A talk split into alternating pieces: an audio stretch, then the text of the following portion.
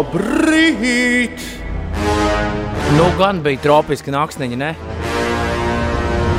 Oh. Un tagad būs vēl viena tropiska dieniņa. Es ceru, ka bez lieliem nokrišņiem.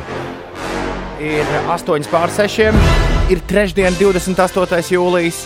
Cēlies augšā! Šeit runā Latvijas Rādio 5, 5 LV, 5 Rīga. Jā.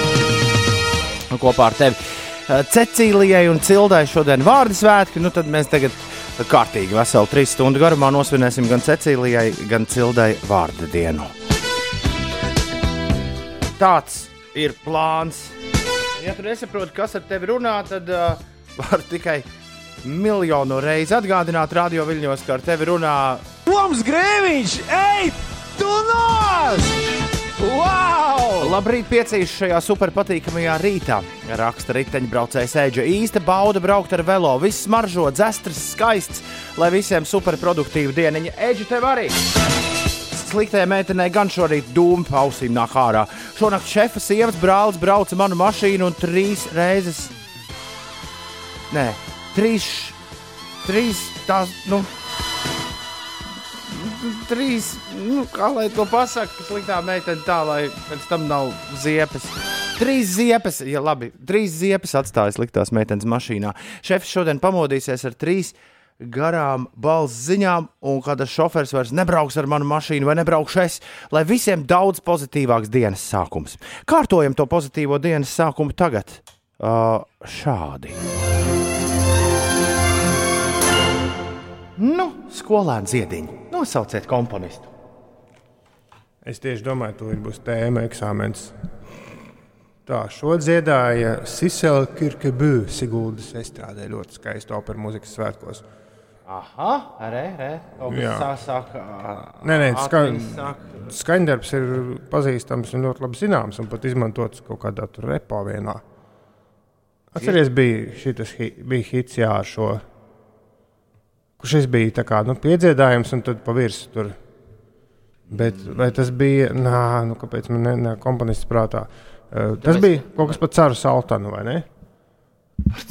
Nebija kaut kāds cars, cars saltans iesaistīts. Sultāns Cars. Nē, cars saltans. Nē, nē, nē, nē, nē, nē, nē, nē. Jā, tad, nu, nē, nē mūsu, mūsu orķestris, bet, uh, nē, nē, Rahmaņinovs, bet es zinu, man ir tepat mēlis galā. Ja tu teiktu, Krimskis Korsakovs, Nu, es jā, ieska- jā, es jā, ieska- jā, es jā. ieskaitītu. jo Tas pats, kas Nav, uh, jo nav- nav- lidojumi. Nav Rimskis Korsakovs, bet Rimskis Korsakovs šito pabeidza.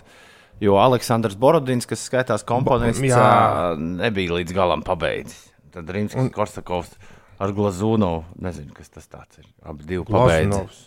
Lozinovs. Ne, es ne, es nezinu.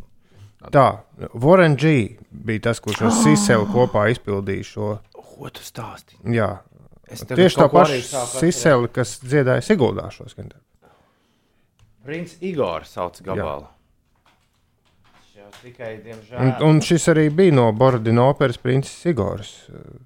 Jā, jā, jā, jā, jā, jā, jā. Tikai es um, nevaru spiest play, jo tur ir pilns ar F un S. Nu. Jā, ē. Tā ir tā, ir tā repu sūtība. varētu padziedāt. Inese? Nē, padziedot to būtu. Skirkebu. Tas tik būtu jauki. Nu, Rekur it kā es atradu, es nezinu, gan kādā kvalitātē es atradu bez sliktajiem vārdiņiem. Tā, lai tā lai meitene padzied?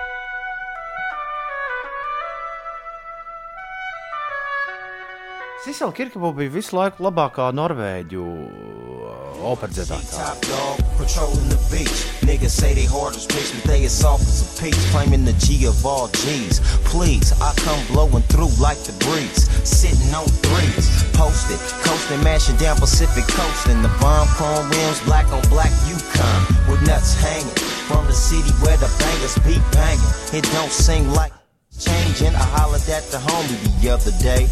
G'd up at the park sipping Alizé. One of the homies took a beating, so now it's finna be a gang and checking at the meeting. Life cycles repeating. It's just another sunset falling. See, I can hear the homies that pass calling me. And you know what I discovered? What they keep saying, keep your mind and your money and shake busters.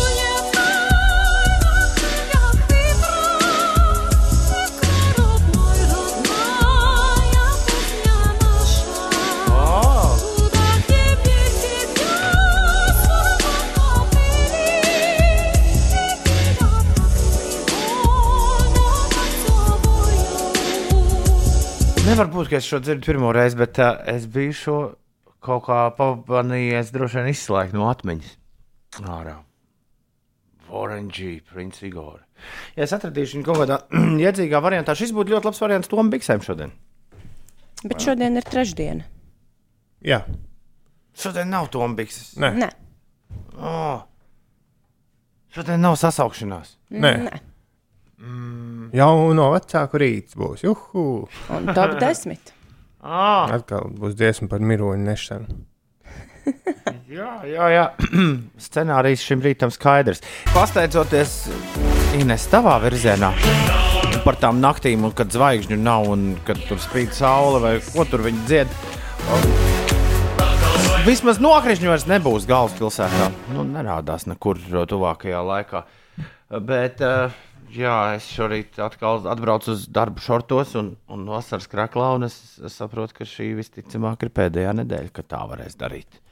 Jo pēc tam tie rīti kļūst tādi uh, rudenīgi dzestri. Ines pastāst par uh, netik tālu pagātni. Skatu, ka netik tālu pagātni. Tā netik tālu nākotnē. Es par pagātni varu pastāstīt stāstu par nākotni. Labi, mēģināšu par uh, tuvāko nākotni, tuvāko 24 stundu laikā. Varbūt šodien Latvijā būs uh, silts laiks, taču iespējams arī īslaicīgs lietus un pērkona negaiss. Dienā būs mainīgs mākoņu daudzums un vietām īslaicīga līs. Iespējams, uh, jā. Pērkona negaiss būtīs lēns līdz mērens dienvidu rietumu un dienvidu vējš, un negaisa laikā krasas vēja brāzmas var sasniegt 15 m2. Gaisa temperatūra dienā paaugstināsies līdz plus 23, plus 28 grādiem, un Rīgā debesis ik pa laikam arī aizklās mākoņi, un pēcpusdienā iespējams īslaicīgs lietus. Arī šeit pērkona negaiss būtīs lēns līdz mērens dienvidu rietumu, dienvidu vējš, un maksimālā gaisa temperatūra galvaspilsētā plus 25, plus 27 grādi. Mazliet par ārzemju vēstījumu. Kāds bruņots vīrietis vakar Parīzē aplaupījis juvelieru eh, izstrādājumu veikalu un ar miljoniem eiro vērtu laupījumu aizbēga no notikuma vietas. Lupēts tas bija. Jā, Kā Lupēns jūs vai domājat, Fantomas? ko viņš izmantoja, lai aizbēgtu no notikuma vietas? Balonu. Pīlī. Gaisa balonu. Nē, elektroskrējriteni. Ah, Nesot notverts vēl. lupēts. Saskatījies seriālu. Acīm redzot, jā. Lūdzu. Bet man patīk, ka sakot tādā, nu, ar tādu uzsvaru, viņš tā kā kaupēns. Lupēts. Lupēns. Lupēns. Paņem no bagātajiem un iedod Jā. nabagajiem. Varbūt tad kaupēnu arī vajadzēja izrunāt kaupēnu. Kaut no, viņš, viņam franču asins. Uzreiz tā dišciltīgāk. Mūsu slavenais zaglis kaupēns. Tas īstenībā bija pagājis mērķis. Es vienreiz lasīju par viņu. Tur, nu, diezgan viņš tur tā asiņaini darbojies. Uh, arī raksturā. Nezinu, nu, ir jau jābūt kaut kādam raksturam, lai slaktētu cilvēkus. Ah, tas gan tas Tas gan. prasa raksturu. Tas, tas, tas gan, tas gan. Ko tu gribēji par vēsturi, Par par, pagātni. vēsturiskajiem laikapstākļiem teikt? Es nezinu, kā lai to pasaktu, nepasako kādu rupju vārdu, bet tas brauciens vakar uz jūrmālu precīzi pulksten 14 un, teiksim, nu, 30 vai 14.40. Jā, Jūrmālas šosei apmēram kaut kur sākot pie li lidostas viadukta. Nē, nē, viss bija forši, un, un es pat mazliet brīnījos par citu šoferu lēnumu, jo nebija jau tā, ka galīgi jāmet malā, bet nu, dažas šaltes bija nu, tā. Es man liekas, ka nebija tik stiprā Lietuvā nekad braucis.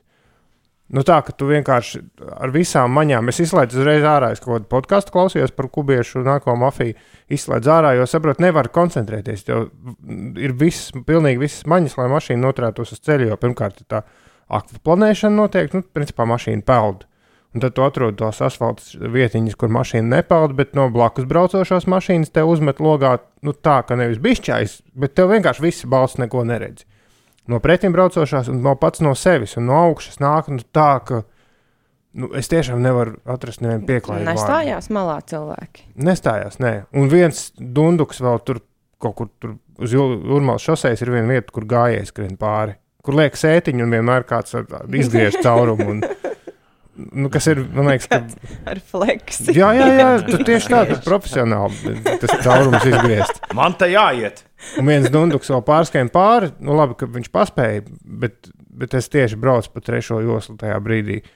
Un kā es viņu apšakstīju? Bet Nu, tā ārā tāpat jau lija. Nu, jā, nu, līja pamatīgi, bet, bet es nu, tur nevarēju no tā izvairīties. Jo tas bija kaut kas. Bet es pēc tam skatījos, ka Ikšķilē vienkārši cilvēku mašīnas tur brauc uz slīka un ogrēja. Jā, salaspīlī ogrē tur aplūdušas ielas. Tāpēc citu man vakar arī sanāca pa vienu visai aplūdušu ielu braukt, un arī man bija tā, ka iemeta logā tādu pamatīgu šalti ar mm, lietus ūdeni, netīru. Es nekad nebiju šādā lietā uzkrējis.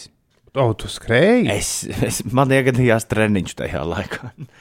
Tas bija kaut kas Forši, vai ne? Rīktīgi forši. Es atceros, ka Inês viena no pirmajām lietām, ko tu man teici par skriešanu, bija, o, cik forši ir skriet vasaras lietū. Jā. Un, un beidzot es tiku paskriet tādā rīktīgā, kārtīgā vasaras lietū. Ideāls gan rezultāts, gan pašsajūta. Viss, viss, viss super. Vienīgi atgriežoties mājās, par šoreiz par ledus vānu nebija nekādu sapņu. Bija, bija doma tikai par siltu dušiņu un ātri sasildīties. Un, un nomainoties, jā, vēl es pa ceļam biju veikalā pēc, pēc skriešanas. Eh, Nomainoties, eh, eh, no, Tev ielaida tādu slapju veikalā. Viņi neskatās. Nomainoties uh, temperatūrai ārā, proti, tad, kad tā. Uh, Nu, jā, liela, kas ir interesanti, ka nu, kā, tev kopā ar lietu tā ir tāds ļoti patīkams spirtums. Nu, nav, Jā. nav, nekāda, nav nekāds smacīgums. Savukārt, tu ieej veikalā, tur ir joprojām kondicionieris uzgriezts uz pilnu klapi. Un uh, nu, ir riktīgi, līdz ar to reāli kļūst rīktīgi augsti, un pilnīgi visiem uh, kļūst rīktīgi augsti. Uh, Līdz ar to bija interesanti skatīties, kā cilvēki šortos staigāja apkārt. augsti, augsti. Jā, savukārt Zīta ar koncertu zālē bija ļoti patīkami. Pēc lietus, un Līja arī mēģinājuma laikā, savukārt uz vakaru, tad, kad sanāca cilvēki, par ko mēs droši vien parunāsim, bija atkal rīktīgi sūta. 7, 8 bija tā, ka nu, cik tas lietas mazliet jau pažuva un karstums saglabājas, un bija tāds nu, tā kā siltajās zemēs, tajās mitrējās. Nu, kad tu Aha. uzvelc balto kreklu, un uzreiz baltais krekls kļūst par daļai slapjo kreklu. Nu, tā. Melodija kā visa dzīve. Queen, don't stop me now! Ir pusseptiņi. Labrīt, Rīga, labrīt, Latvija, labrīt, pasaulē! Cēlies augšā! No rīta pavarot Instagram, pirmais, ko es ieraudzīju, bija guļamistaba.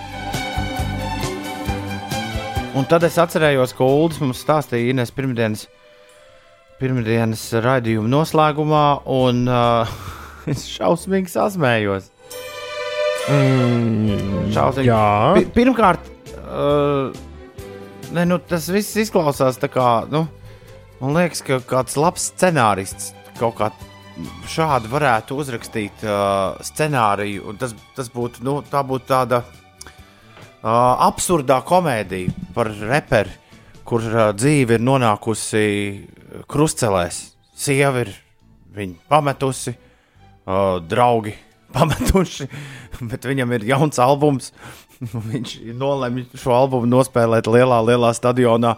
Viņš aicina cilvēkus uz lielu, lielu stadionu, un tad pēkšņi albuma skanēšanas brīdī viņš pasaka savam, savai labajai rokai, no kaut kādam iesargam, vēl ko. Mm -hmm. Es te palikšu uz dzīvi. Un Ines Kanjē ir ielicis savu guļamistabiņu, kas ir stadionā ierīkota.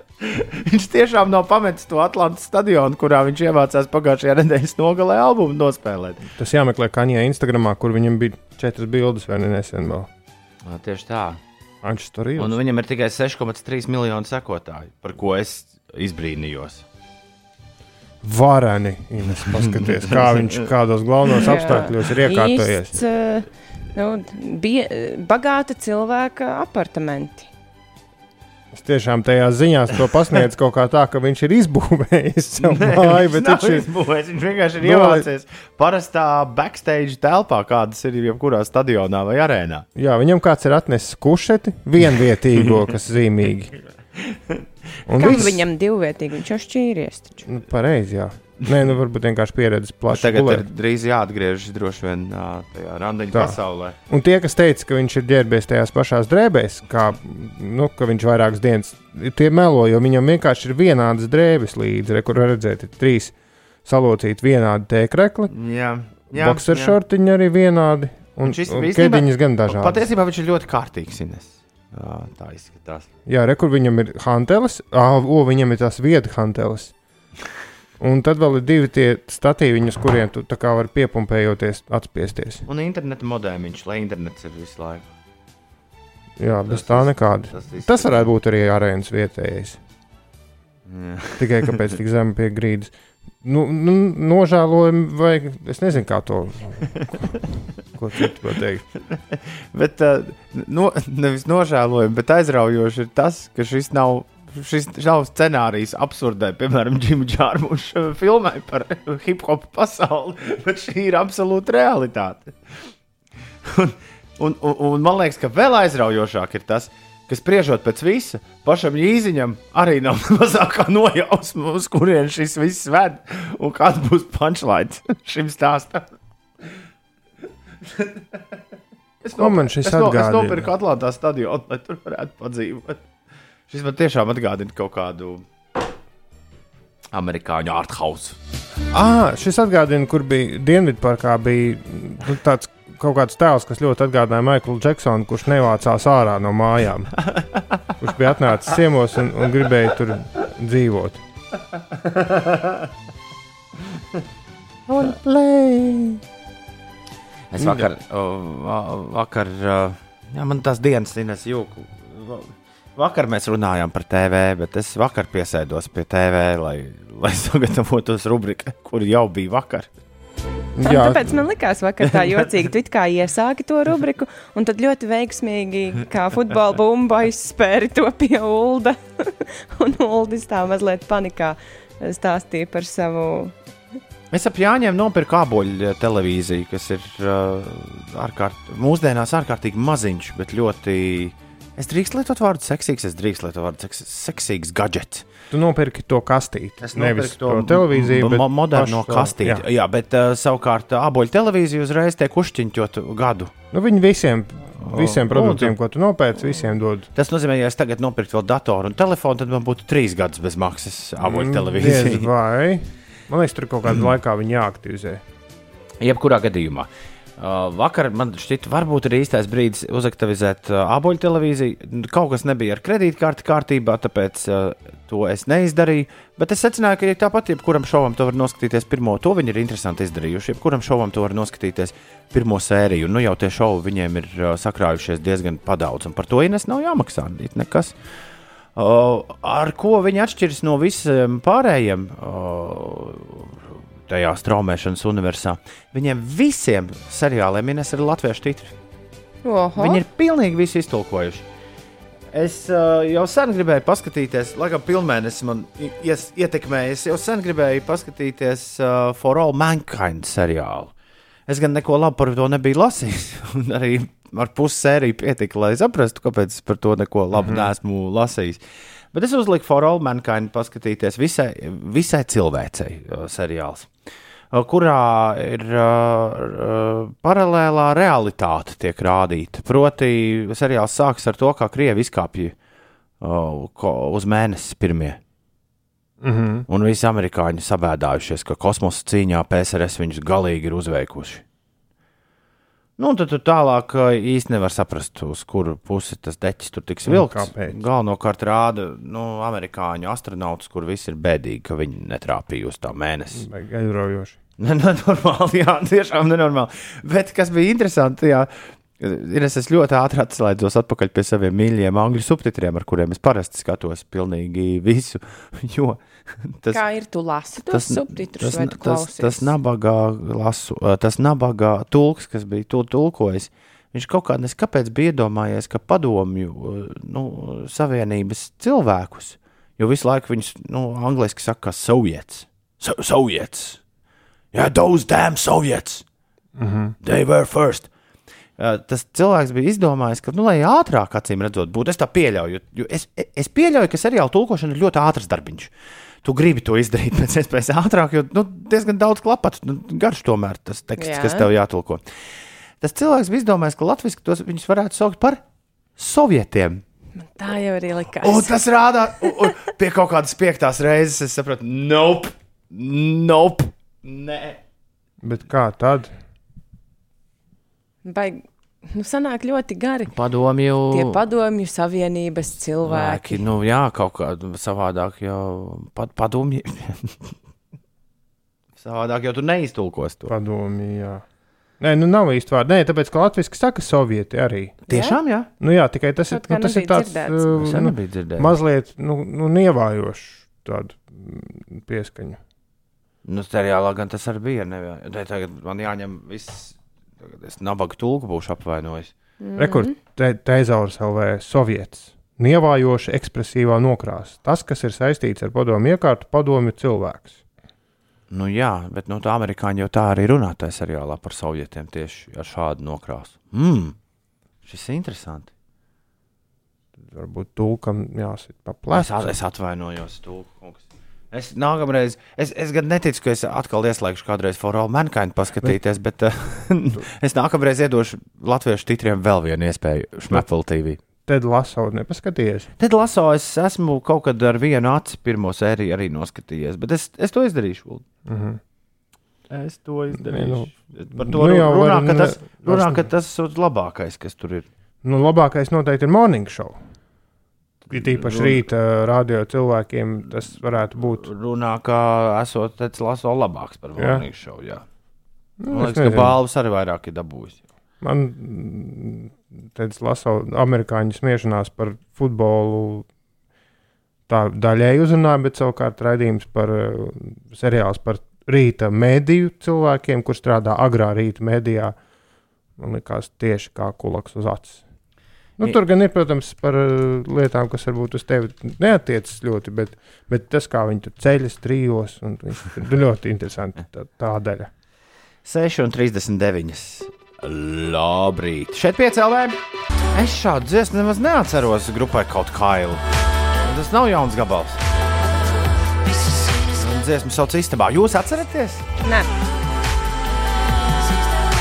Mm, dīvaini. Nedomāju, pēkšņi prāts sagriežas un tu ir nonācis Ulu realitātē, ka visas izpildītāji tev ir zināmi, bet visas dziesmas gan ir pilnīgi savādākas nekā tev atmiņā šķita. Bet tu vari atpazīt. ir radio tās, DJ ja? megamurks. Nē, tu nevari. Nē, nē, tu vari atpazīt, kas izpilda. Jā, jā, tu atpazīsti, un tev ir DJs atnāk uz darbu, viņam ir rakstīts, kas izpilda. Bet tās dziesmas ir pilnīgi savādākas nekā viņš to ir zinājis. Šis, es varētu pičot šo seriālu. Apple TV vai vēl kādam. Klau, mēs te par televīziju aizrunājāmies, bet Inesē bija sāpīgs jautājums, Ulu, kur tu palaidi garām vienkārši. Ines nevar saprast, kā līdz Manchesterē tikt. Ah, tāpēc, ka mēs runājam par seriāliem, liekas, viena tēma. Ines, nāk, nākamā nedēļa mēs visi atvaļinamies, un Ines ir izdomājis braukt uz Skotiju. Nu, Nu, no, vai vēl nav feini? vēl jau nē, nu, ne jau tā nopietni. dzīvo- Tas bija viens no variantiem. Dzīvojam laikos, kad var izlemt rīt braukt uz Skotiju vai nebraukt. Nu, labi, tad, tad, tad droši vien, kad ir īstais brīdis uh, ķerties klāt arī manam vakardienas uh, koncertu piedzīvojumam, un es palasīšu, ko raksta mana kolēģe, kurš šobrīd ir atgriezusies Latvijā. uh, Latviete, bet nu, dzīvo Lielbritānijā, dzīvo apvienotajā karalistē, Londonā jau vairākus, diezgan daudzus gadus. Tad viņa ieradās Latvijā, un viņai ir Covid certifikāts. Viss vis noslēgta potēšana, viss kārtībā. Jā.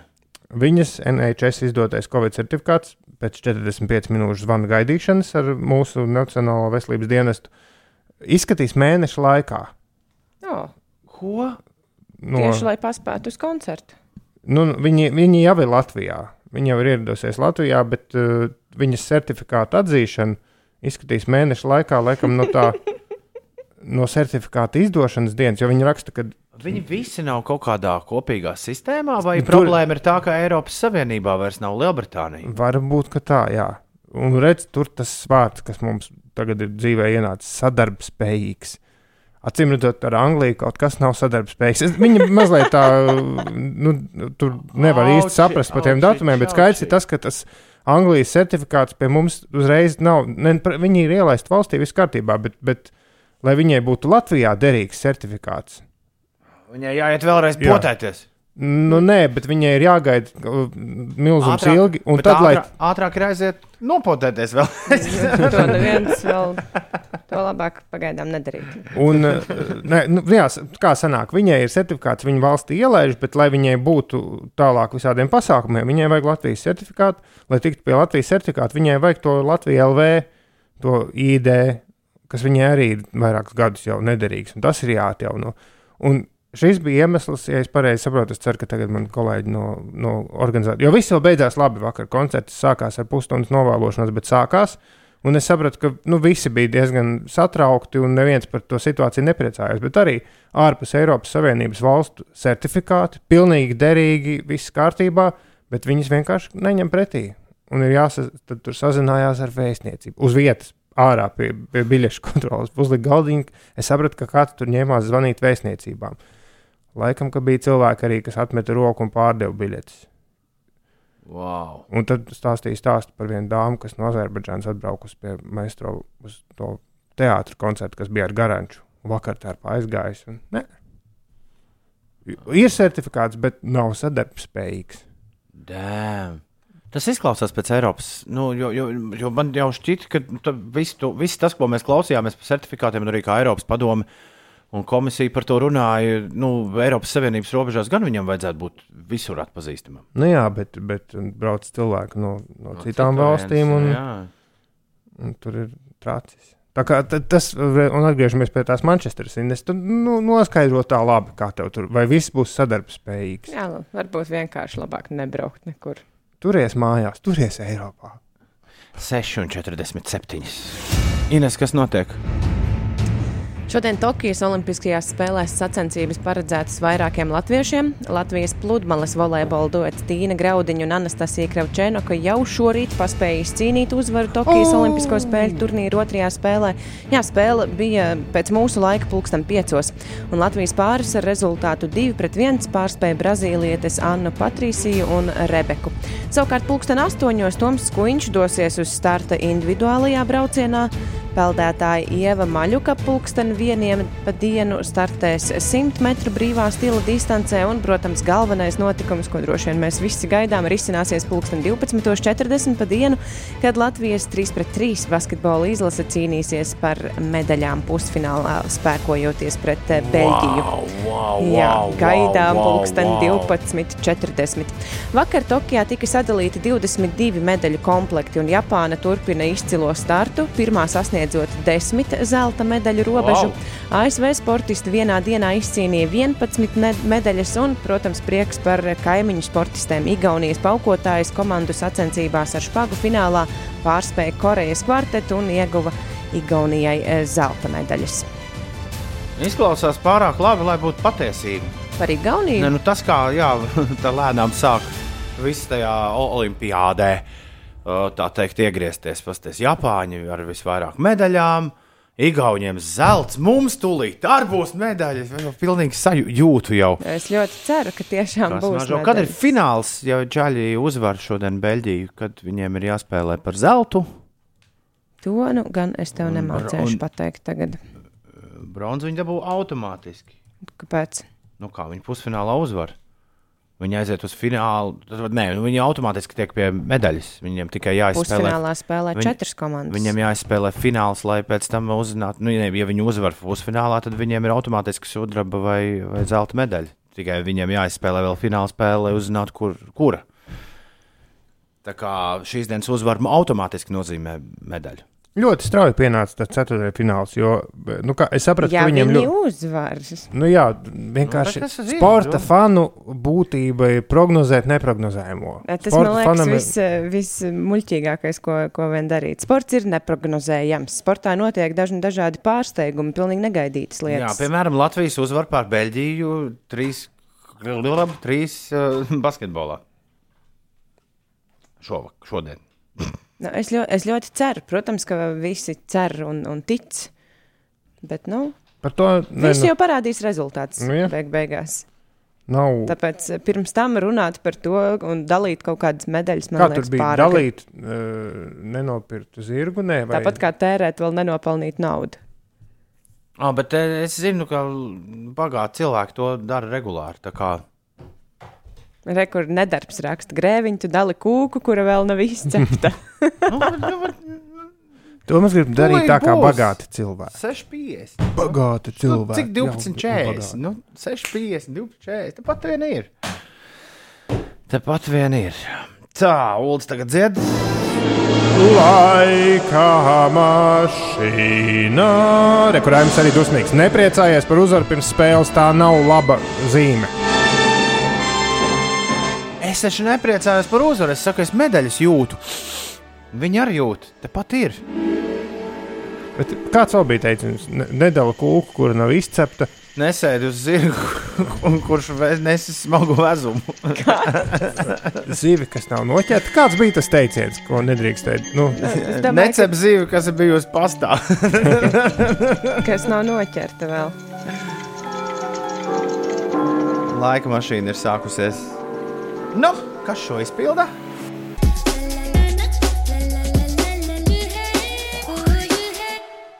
Nu, kas tad tas tāds bija? Ko mēs te klausījāmies? Ko? dziesma sauc, nā, nā, nā. vai tur nebija gaļa? Nē, tā ir gaļa. Jā, zivju pasts. Zivju pasts, jā. Bet kas to izpildīja oriģinālā? Droši vien kaut kāda MX3 vai kaut kas Renārs tāds. saka, nezinu, kas izpilda, bet čo mīļākā dziesma bija. Tāpēc man riebies. Bet vai var dabūt puspunktu par zivju pastu? Nē. Kāpēc? Nu, kāpēc gan lai es dotu Zivju par pasts zivju pastu? izpilda arī šo dziesmu. Nu jā, Bruno Mars. Neizklausījās. Nu, it kā nē, bet man nekas labāks nav. Tomo ir vienīgais, kurš ir pilnīgi precīzi atbildējis. Jums abiem diviem zāģi dod, ja? Dod, jā. Tomā vienīgais, kurš pareizi atbildēs, viņš saka, ej, tas tā nerātnēs puika un Sams Smits, Naughty Boy. Un Sams Smits dziedāja dziesmu, la la la. Bet izklausījās pēc sievietes vokāla. Uh, nu tā, Nu, tas- Sams Smits, tā es tas ar to Sam Smits domāju, Bruno izklausās. Mars, laikam, jā. Saku Bruno Mars, domāju, Sams Smits. Dalīt lāčādu, kamēr lāčs. Jā, jā, mežā. jā, tāds ir tas teiciens. Nenosoda sievu, kura vēl nav piedzimusi. Riteņbraucēji lieliski, lieliski, parši. varēni. Jā, nenosoda dziesmu, kas vēl nav uzrakstīta. Un ko tad tu darīji pelnušķītas laikā? Ir es vakar pusnakts stundā. Tad es jau gulēju, Ah, bet tikko atbraukus mājās no treniņa. Tad U- Uldis šodien vienīgais, kurš pa nakti negulēja. Jā, divos aizgāju gulēt. Pusnaktī tikai bija mājās. Kā pelnušķīt? Nē, vai sniegbaltīt. Bet kurai? Pelnušķīt bija sniegbaltītai nepārvērtās bija rūtīši. Jā. Sniegvaltītē bija aboliņš. Viņa iekodās abolā un aizmiga. Un, lai nebūtu spoileri, tālāk nestāstīšu. Aizraujošs stāsts. Nekad nav dzirdēts. Un ko darīja Erkšķrozīte? Erkšķurzīte bija augšā tornī. Jā, Jā. viņa, jā, viņa Jā, laikam jā, bija ieslodzīta tur. Šeit pieci rītī. Un, uh, uh, jā, man liekas, ka pavisam drīz radījums pēc rīta un radījums pēcpusdienā Latvijas radio viens programmā būs viens un tas pats. Grūti savienot rītu ar pēcpusdienu. Nu, Kā tu to domā? Tāpēc, ka šorīt, šo pēcpusdienu notiks, notiks revol, radio revolūcija. Es pat gribētu to tā, tā saukt. Par ko mēs nereiz neesam vēl neko bilduši tieši ēterā. Varbūt tam ir kāds iemesls. Bet, Jā, droši vien ir. Nu, To tā, cepu, es to cepuru nevaru turēt eh, zem pūra, jo Uldis un Ines šorīt, piemēram. Toms vispār bieži izpl- izpļāpājas visiem par kaut kādiem maziem mūsu noslēpumiem. Kādiem, kādiem maziem noslēpumiem? Jā, kas tiek pateikts aizkadrā, to pasaka ēterā. Jā. Mēs klausām. Kur palika likums, kad kas par ko runā, par to ir vienojušies divi? Nā, tas jau sen vairs nav spēkā.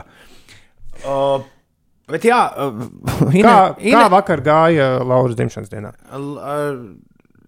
Šis te. Uh, Latvijas radio vienas pārraides pēcpusdienu producents Ines Pučeka ir savaņojusi Latvijas radio 5,5 LV rīta raidījumu 5 rītī producentu Ulu Ziediņu.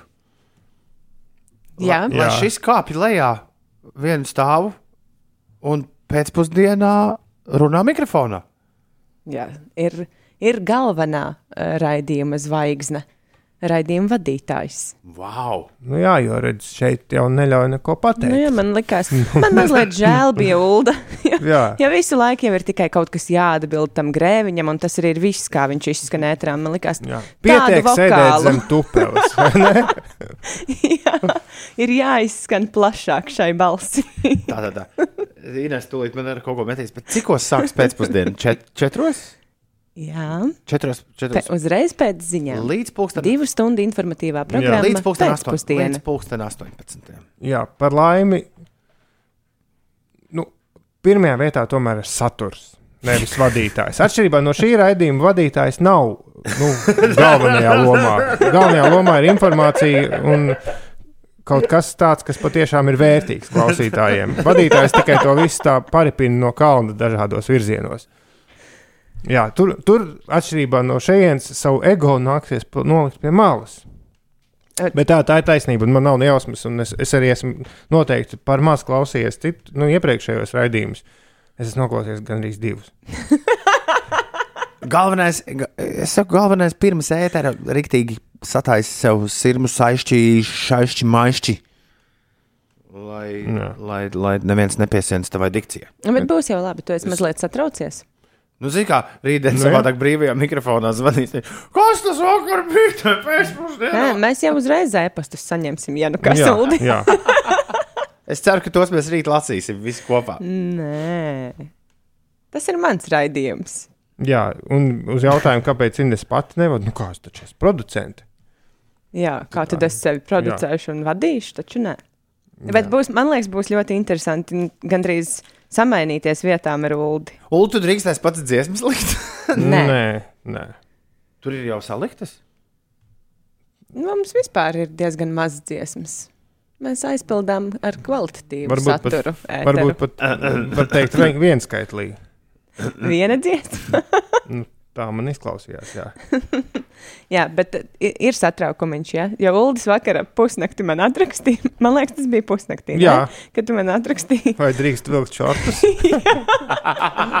Bet tas ir ļoti būtisks jautājums, jo dodoties kārtojot somu šodienai, Pagaid, mēs Ulu varēsim redzēt video tieši redzēt. Ja es ieslēgšu kameru, jā. Ieslēgs kameru. bet vai ir vērts? Uh, Jo tad man jāiet pirkt jauns krēsls, un kas tur vēl ne. Uldim būs viesi šodien studijā. Būs, viņam būs eh, dažādi pārnieki, jā. Wow! Bet raidījums Vēl vēl- es zinu, ka jūs runāsiet par banku drošību. To es varu Nu, to vēl iz... mēs nezinām. Nē, nē, jo tas ir vecs temats. Jā. Old Tā ir news. jau aizvakar diena. Jā. Šovakar pulksten četros pēcpusdienā. Pārmainam frekvenci. Es tagad, Es, es, es, tagad tu ilgi to darīsi? es- Tas, es saprotu, ka šodien tā nebūs vienīgā. Visu Kā Nedēļu. visu nedēļu. Tā kā šodien rīt parīt. Jā, jā, bet Ines, es apsolos, es izdomāšu, kā atriepties par šo tomam. à, par, Par šo iz- domam. À, jā, Par šo jā, jā. iznācienu eterā. Par ko tieši man ir jāatriebjas? Nu, Ziniet, kā pienāktu atkal tā pati lāčādas dalīšana. Pienāks rītdiena, būtu, būtu forši stāsts, re, kā vakar gāja, vai negāja, vai kas būtu. Uzreiz būtu tāds, bet tagad tāda runāšana par. par Inese, uh, tu varēsi atriepties Uldim par piecu rītu mazajām neģēlībām. Ieliec mazus nieciņus smieklīgus iekšā pa vidu raidījumā. Iveta, es tev pačukstēšu, jebkuru skaņu, kas skan ēterā, atskaņo Toms. Neko nezinu. Siguldas Edgars tiešām vietā atceras, ka Bokas jaukuns, piemēram, uz filmēšanos TV sev sarūpēja jaunus plakanās pēdas ielikņus. Ko lai es darīju, ja man nav plakanā pēda? Tev jāiet pie acu ārsta, varbūt jaunas brilles, Man jāpasūta. starp citu vajag jaunas brīvus, jā. Vispār tas ir, tas ir baisi. Es jūs abus neapskaužu. Tikai tagad es tā lēnām saprast, kā nu, šī spriedze trīs stundas no rīta, un tad vēlreiz spriedze divas stundas pēcpusdienā. Nu, paga, paga. Un vēl tev koncerts varēja būt. Nu, Nu, tad es varbūt arī, ka nebūtu. Nu, kaut gan nē, sešos viss beidzas, un tad jau pēc tam ir kaut kas cits. Bet ne, svarīgākais jau tas, es nezinu, Ines, vai to drīkst atklāt, bet nu jau pavēlu, ja mēs par to runājam, ka neviens no šiem trīs studiju viesiem jau vēl nav zināms. ā, tā es vai- teorētiski es arī par to varu kļūt. Nē, tu noteikti. No tiem viesiem Edgars. es aptuveni zinu, kas nāks. Bet, tu- Bet, bet tas parasti ir tā, ka mm, Jā, nes- rīta ētera laikā es nedomāju par pēcpusdienas Es- es... ēteru gandrīz. es arī nedomāju, es tev vienkārši tagad satieku, tāpēc tā. Nu jā, mums nav sanākusi tāda nopietna sapulce iepriekš. Jā, jā, tāpēc tā tiek noturēta, kamēr skan ziņas. jā. Ir 12 minūtes pāri pusdien septiņiem. Labrīt, visapkārt! Es tagad meklēju to Karlsonu. Man kaut kur, es kaut kad nesen biju atradis, lasīju. Man Iet pa ceļu, nagu laks, nagu laks, nagu laks. Labrīt, trešdienā, 28. jūlijā. Cecīlijai un Cildē šodien ir vārda diena. Komponists Valdis Zilvers svin dzimšanas dienu. Latviešu dziniekam Kārlim Vērdiņam daudz laimes, motosportistam sacensību rīkotājam, pieckārtējam pasaules čempionam kopā ar Kristēnu Sērģi blakus vāģos Artim Rasmanim šodien dzimšanas diena. Džimam Deivisam, vīram, kurš uzzīmē Garfieldu, ir dzimšanas diena. Soldier Boy, amerikāņu reperis, svin dzimšanas dienu. Angļu futbolists Harijs Keins, mūsu kolēģi Dārsa Ivāne. Un tad vēl uh, Andrejs Veitners. Jā, Andrejam Veidneram daudz laimes, Santai Petersonai un Dacei Salnājai. Viņiem visiem. Un Ieva Jauniņai Jā, arī. viņa Jā. gan ir uh, uzvārdu nomainījusi, bet uh, sveiciens dzimšanas dienā. Ko maina? Turp, šurp. Labrīt. Lubāns un Sahāra krustojumā Luksafors nestrādā, plus avārija. Oh -oh. Tā Riča ziņo. Sākās! Jā, jā, ir Sahārova, nevis Sahārova iela. Tur bija tā, ka. Sahārova, nu, Sahara. Nu, cukurs, jā. Sahara, Sahārova. Jā, un, un Vai tad nesaka Sahārs? Sahāra. Sa tas ir tūkstnesis. Tas ir kaut kas cits. Un varbūt iela no tūkstoša. Un bija laikam tā, ka, ja ir uh, Zahāra, ir krievu vai ukrāņu vārds. Sahārova tūkstneša iela. Labi. Es, es mēģinu atrast, es atradu jau e-pastu, kuras es mūsu valodas konsultantei par šo jautājumu, bet viņu atbildi sniedza telefoniski. Ir, ir pareizi Sahārova. Saharova. Sahārovs. Jā, un es esmu at- atradis par plakanās pēdas ieliktņiem. Mm. Ko tu, tu esi atradzis tieši to pašu, ko Sigulds Edgars rakstīja? Jā, jā, bet es atradu precīzi citātu. Astrīda Lingrēna tagad Ulu balsī runās. Jā. Visu uzmanību. Nē! Es nejauši, Aizvērciet. es nejauši nospiedu forwardu. un viņš aizgāja. Tā. E, tā tad. Ceru, ka man ir redzējis visa zviedru tauta, tā saka Bokas Jaunkundze. Man taču jāiet safrizēties, jāuzsveidzina seja, jāiztaisa manikīrs un jāizmēģina jaunie plakanās pēdas ieliekamie. Ja uzstājas televīzijā, cilvēkam jāizskatās smalki. Bet tas mēs, haha, plakanās pēdas ieliekamie, tos taču neredz televīzijā. Bokas jaunkundze uzmet meitenei nosodošu skatienu. Vai tad es to teicu, bet jaunie ieliekamie man tomēr ir vajadzīgi. Un tad cilvēks jūtas arī drošāk, ja zina, ka viss ir labākajā kārtībā. Lai gan parastie cilvēki to varbūt nesaprot, bet mēs, kas uzstājamies televīzijā, to zinām. Ines, kas notiek?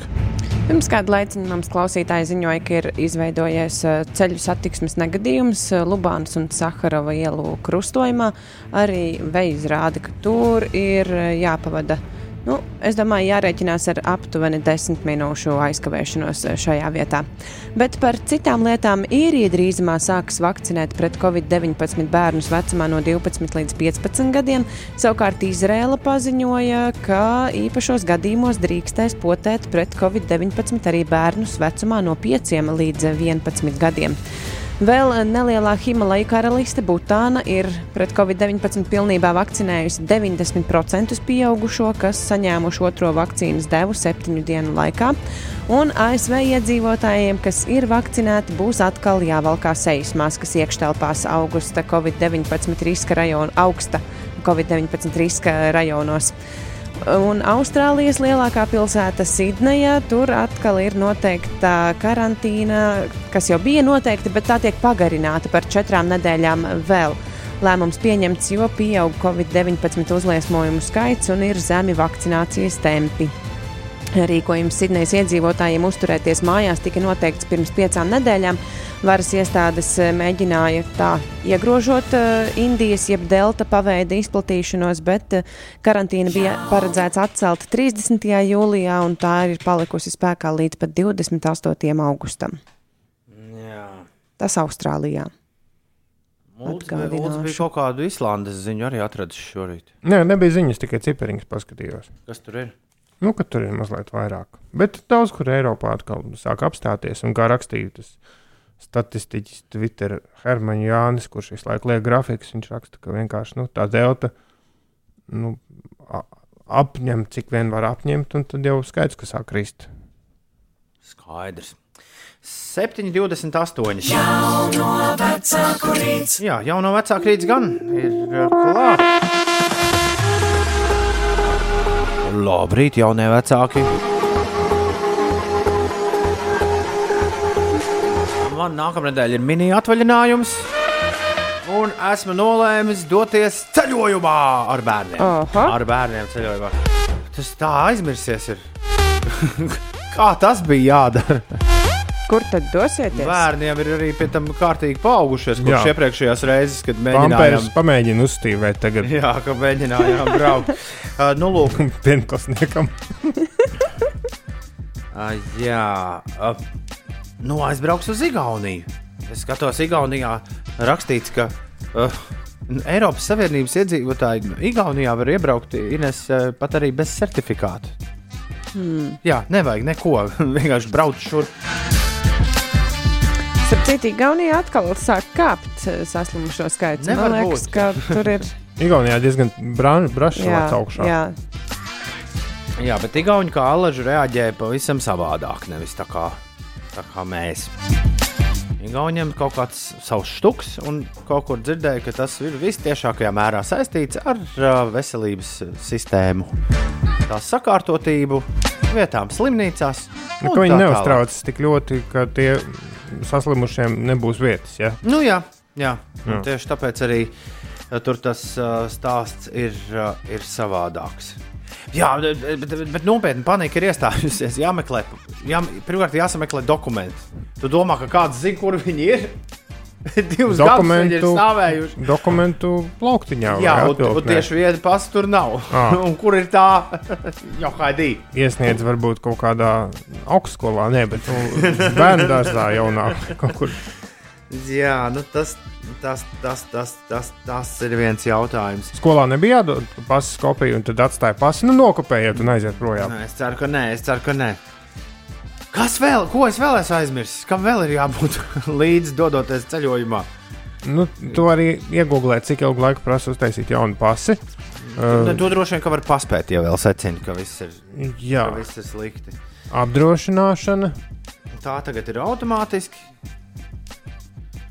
Uh, jā, nu, kas vēl? grūti, grūti, grūti iedomāties, jā, kas, kas, kas vēl. Nu, Te, kur es esmu atnesis Inesēju prīmusiņu, bet to jau ar bērniem diez vai vajag. Vienreiz mēģinājām, nebija tā, ka baigi labi sanāca. A Kāpēc tu Inesai atnesi prīmus viņu? Es biju iedevusi Uldim. Ne, Tartu gala mērķis ir. Mēs pirmkārt, tu ne, ne, svarīgākais jautājums, jūs nebraucat prom no civilizācijas nekur. Nē, nē, nē. Ah, nu, nekad tad, arī tad ne- jau līdzi ņem bankas karti un, un uh, sirds zāles, tad, kad pēc tam konta atlikums skatīsies. Nu, Zini, kā bērniem tur tas, tur tas. tas, Jā, jā, nē, mēs braucam kopā ar, ar vienu senu cīņu biedru, ar viņa ģimeni. Mēs tā kā kopā dodamies šajā ceļojumā. Man visvairāk patīk mūsu plāns par uh, ceļojumu sākumu. Šādi nav bijis nekad iepriekš. Vēl. Mēs speciāli braucam uz Igauniju pulksten sešos vakarā ar domu, lai pēc kārtīgas ballītes busiņā bērni ir. Nu, labi aizmiguši, un viņus var nolikt gulēt, nonākot galamērķī. Un lai vecāki var mazliet Pasēdēt un parunāt par, jaun, par jaunību. Jā. Uh, ko, kā tu pasēdēsi, ja divās istabās paliek?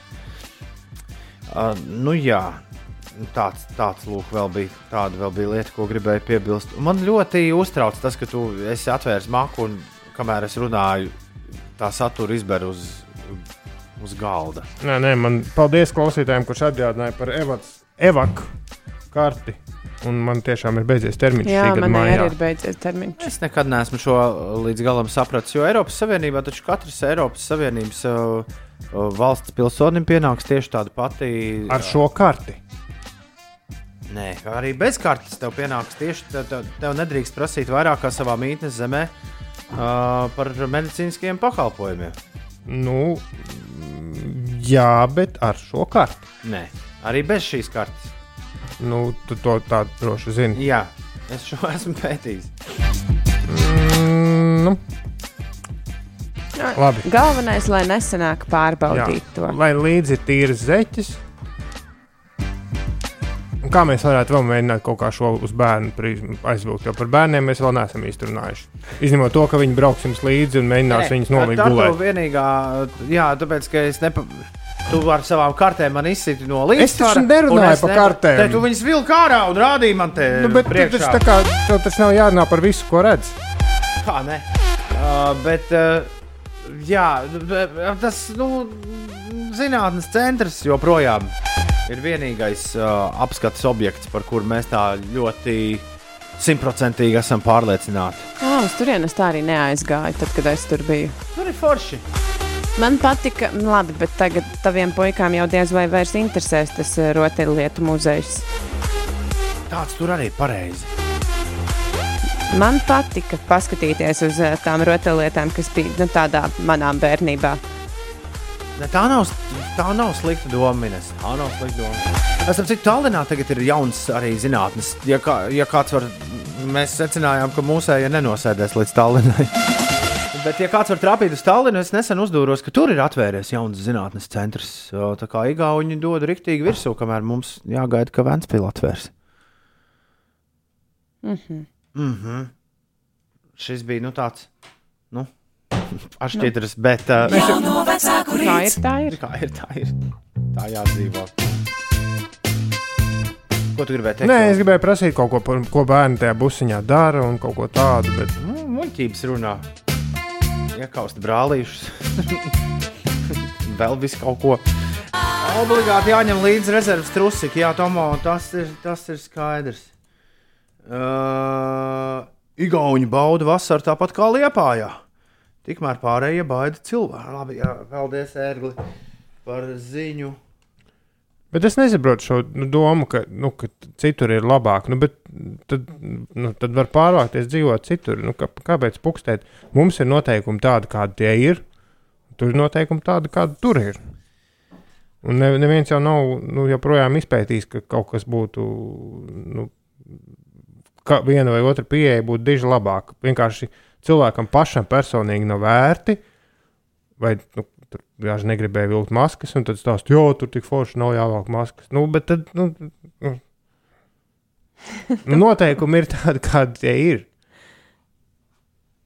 Tā, bet uh, tas, ko es gribēju, jā, paldies M, kurš iesaka Rūmu zemūdens pilsētu. Tas smuki esot, jā. Kas tas tāds ir?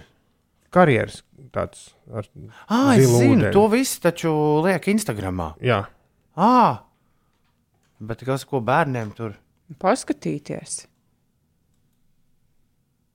Nu, labi. O, tā, bet es, redzēt karjeru. pa, es palaidu garām citu ziņu, ka spīces gājēji pārēju uz Ulmaņa gatavs arī kritusi stabiņu uzbrukumā. Sastrēgums līdz lidostai.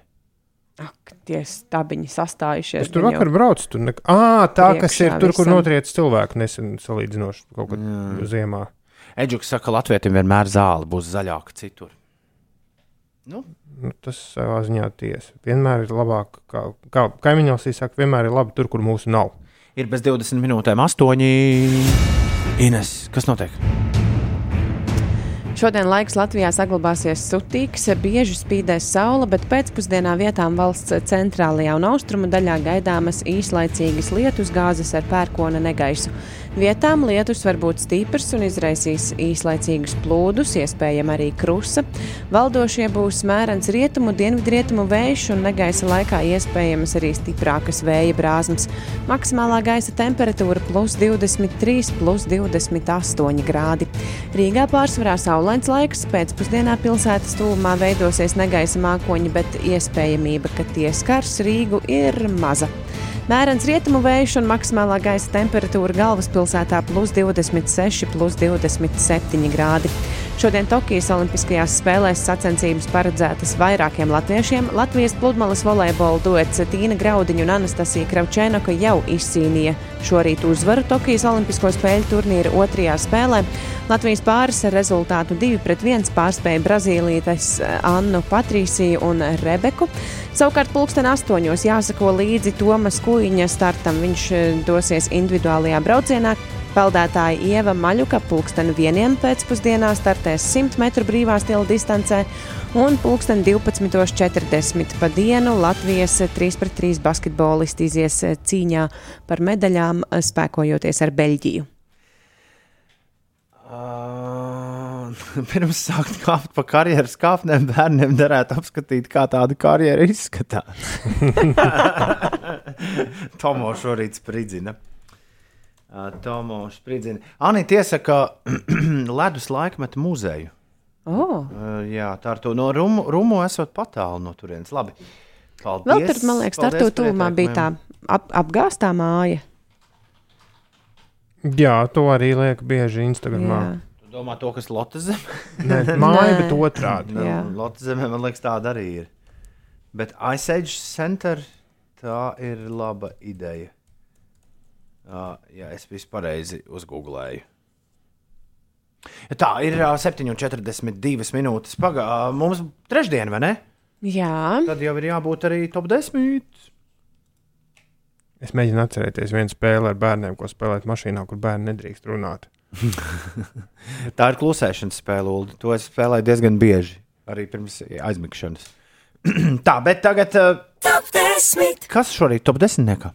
Top 10 pateicu, bija jā, jāsaka paldies mūsu klausītājiem, kas mums viņu dienu par šo atgādināja, par, š- par liel- lielisko terminu latviešu sveškauns. Kas ir kauns, ko tu pārciet citu vietā, un iespējams šie citi pat ir nu, pasaku vai filmu tēli, vai, vai kaut kas ne, neīsts, vai vienkārši tu redzi te, kādu citu cilvēku, kas kaut ko dara uz skatuves, vai arī tu vienkārši redzi. Nu, tam nav obligāti jābūt uz skatuves. Tam, nē, nē, nē. Tas var būt tavs kolēģis, tas Jā. var būt tavs draugs, tas var būt uh, nepazīstams cilvēks uz ielas, bet termins sveškauns, kad tu izjūti kaunu, absolūti neracionālu kaunu citu cilvēku vietā. Piemēram, klausoties radio. Var Nu, gadīties. diez vai man liekas, Bet, mums nu, labi. kaunu nav. Nē, mums kauna nav, bet par mums var just kaunu varbūt. Varbūt jā, bet nu, nesūtiet visi tikai to. Tad mums nesanāks top 10. Bet iedodiet kādu piemēru. Jo es parasti šādi jūtos, skatoties kaut kādu, nu, ja ne filmas, tad, tad kaut kādas realitātes eh, TV, kurā cilvēks dara kaut kādas briesmu lietas. Nu, es domāju, "Ā, es nevaru, skat, nevaru paskatīties, tā ir acis. Nē, tas, tās ir bailes drīzāk. Es domāju, ka sveškauns tev, piemēram, varētu būt, ja tu saņem e-pastā kādu dziesmu, kas ir uzrakstīta, un tu klausies un saproti, ka tev par to ir kauns. Jā, šis ir regulāri. Jā, visādas latviešu inter, nu, intervijas raidījumi reizēm ir tādi ar svešu kaunu pilni. Jā. Jo Tā tu sāc būt. domāt, ko tas cilvēks, ko intervē, domā par to, ko viņam jautā, un tad tu jūti tādu svešu kaunu. Nu, es domāju, ka klausītājs Man saprata. vēl labāk, labais piemērs vēl nāk. Sadz... Nē, Tomā jautā, vai tie ir tie cringy momenti. Jā, jā, jā, jā, jā, jā, jā. jā, jā, jā, jā. Cringe top 10. Pareizi, mēs esam jaunieši rādio, mums jārunā normālā valodā. Cringe! Jā, Cringe šorīt, moments. šorīt būs cringe top 10. Jā, ar jūsu paškauna, nē, Sveškauna. sveškauna mirkļiem. Kurā Ah, brīdī? pareizi, mēs mēģinājām krīņģi iztulkot, un tā arī tas Kura- sveškauns mums atnāca. Kurā brīdī jūs to krinģu vai sveškaunu tā kārtīgi esat izjutuši? Lūdzu, atrakstiet 293, 202, 293, 202, Top 10. Mums visai drīz, es ceru, ka sanāks. Nu, ja nesanāks top 10, tad top 9, 8 vai 7 vai top 6. 293, 202, You know we found here, right? Un tagad it's Friday again, it's Sunday, Sunday. Hu! Rīgas modēs! Dējot vienatnē. Mums gandrīz ir uzkāries, uh, uzkārusies top 10, uh, uzkāries top 10 pasākums. Mm. Es kaut ko visu, šitā nebija sen bijis. Man vienkārši uzkārās īsiņas tajā brīdī, kad, bet tikai man, dīvainā kārtā. Kamēr skanēja dziesma, tikmēr mēs visi mēģinājām kaut ko darīt top 10, labā, bet man liekas, ka vārījām, vārījām to zupu, bet ne pēc kā negaršu. Tā mēs uh, liekam, es, es varētu, ja būtu vēl viena dziesma, es varētu visu salikt. Bet labi, 10, 9, 8, 7, 6. 5 ir. Lika, lika, lika, lika. Likas jaunākā ziņa ir ļoti forša. Par māksliniekiem, kas skrien uz skatu, ir. Ā, jā, ir, Lika, ir. lika. Es no apakšas eju. Viss ir salikts, izņemot lika, nav ielikt. Vēl savā vietā. Labi. Kura lika vieta būs? Es lieku apakšā. Jā. Lietas droši. Tad mums ir top no 10 līdz 4. Ja? Jā, varbūt top 3 vēl pienāks klāt, kamēr, Nu, cerams. kamēr ies vaļā top 10.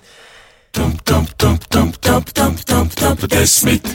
Esam pārtulkojuši vārdu cringe, un mums sanāk sveškauns. Jā, sveškauna top 10 momenti šorīt top 10. Es Des- gan vispār Ines uzreiz pateikšu, ka es desmit vietē varētu dot arī pirmo. Bet labi. Nu, varētu, jā. Bet uh, desmitajā vietā mums ir uh, Mārtiņš, smagā autošoferis, kurš raksta, ka viņš uh, jūt uh, sveškaunu katru gadu skatoties lauku sētu. Bet tad tas ir patīkams sveškauns. Devītajā vietā Igors, darbā kolēģis, nezinu, nozīmi Tā kā teicienam. pumpas spiest. Vai tas ir patīkami? Igors, ā, devītajā vietā darbā kolēģis, nezinu, nozīmi teicienam vecais cīņu biedrs. Prasu, ar ko kāds ir cīnījies? Bet prusaka tekstos viņš orientējas labi. Jā.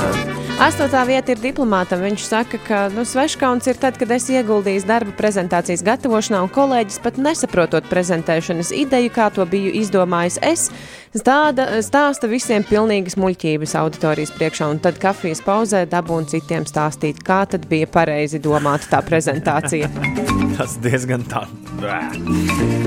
Septītās vietas sveškauns no anonīma klausītāja. Aizejot uz koncertu, kad pēc uzstāšanās latviešu knapi aplaudē un skrien uz ģērbtu pirms mākslinieks atstājas skatuvi. Šis bija vakar, starp citu, arī Raimonda Paula koncertā. Gadījās tā, jā. Un, uh, un, jā, un, un bija jau izskanējis, nu, zināmā mērā, maistro jau ticēt, maistro nevajag. Bet viņš bija kaut kur teicis, ka laikam jau kā šo koncertu jāmet mieras. Un arī, ar, arī maistro, nu, kā viņš pats pateica, iespējams, pēdējais lielais koncerts, vienalga cilvēki skrien prom, jo nu, ir jāpaspēj taču mašīna. Uz vilcienu, uz vilcienu. Sastāvvieta ir Tomo, un viņš raksta, ka sasodīts sveškauna moments bija Konana šovā, kur Elizabete Olsena stāstīja par filmēšanos vienā no Marvel grāvējiem. Un filmēšanās esot notikusi Krievijā, un viņa esot atstāstījusi visas krievu, krievu rupjības, ko vien bija saklausījusies. Auč! Tiek tā vieta.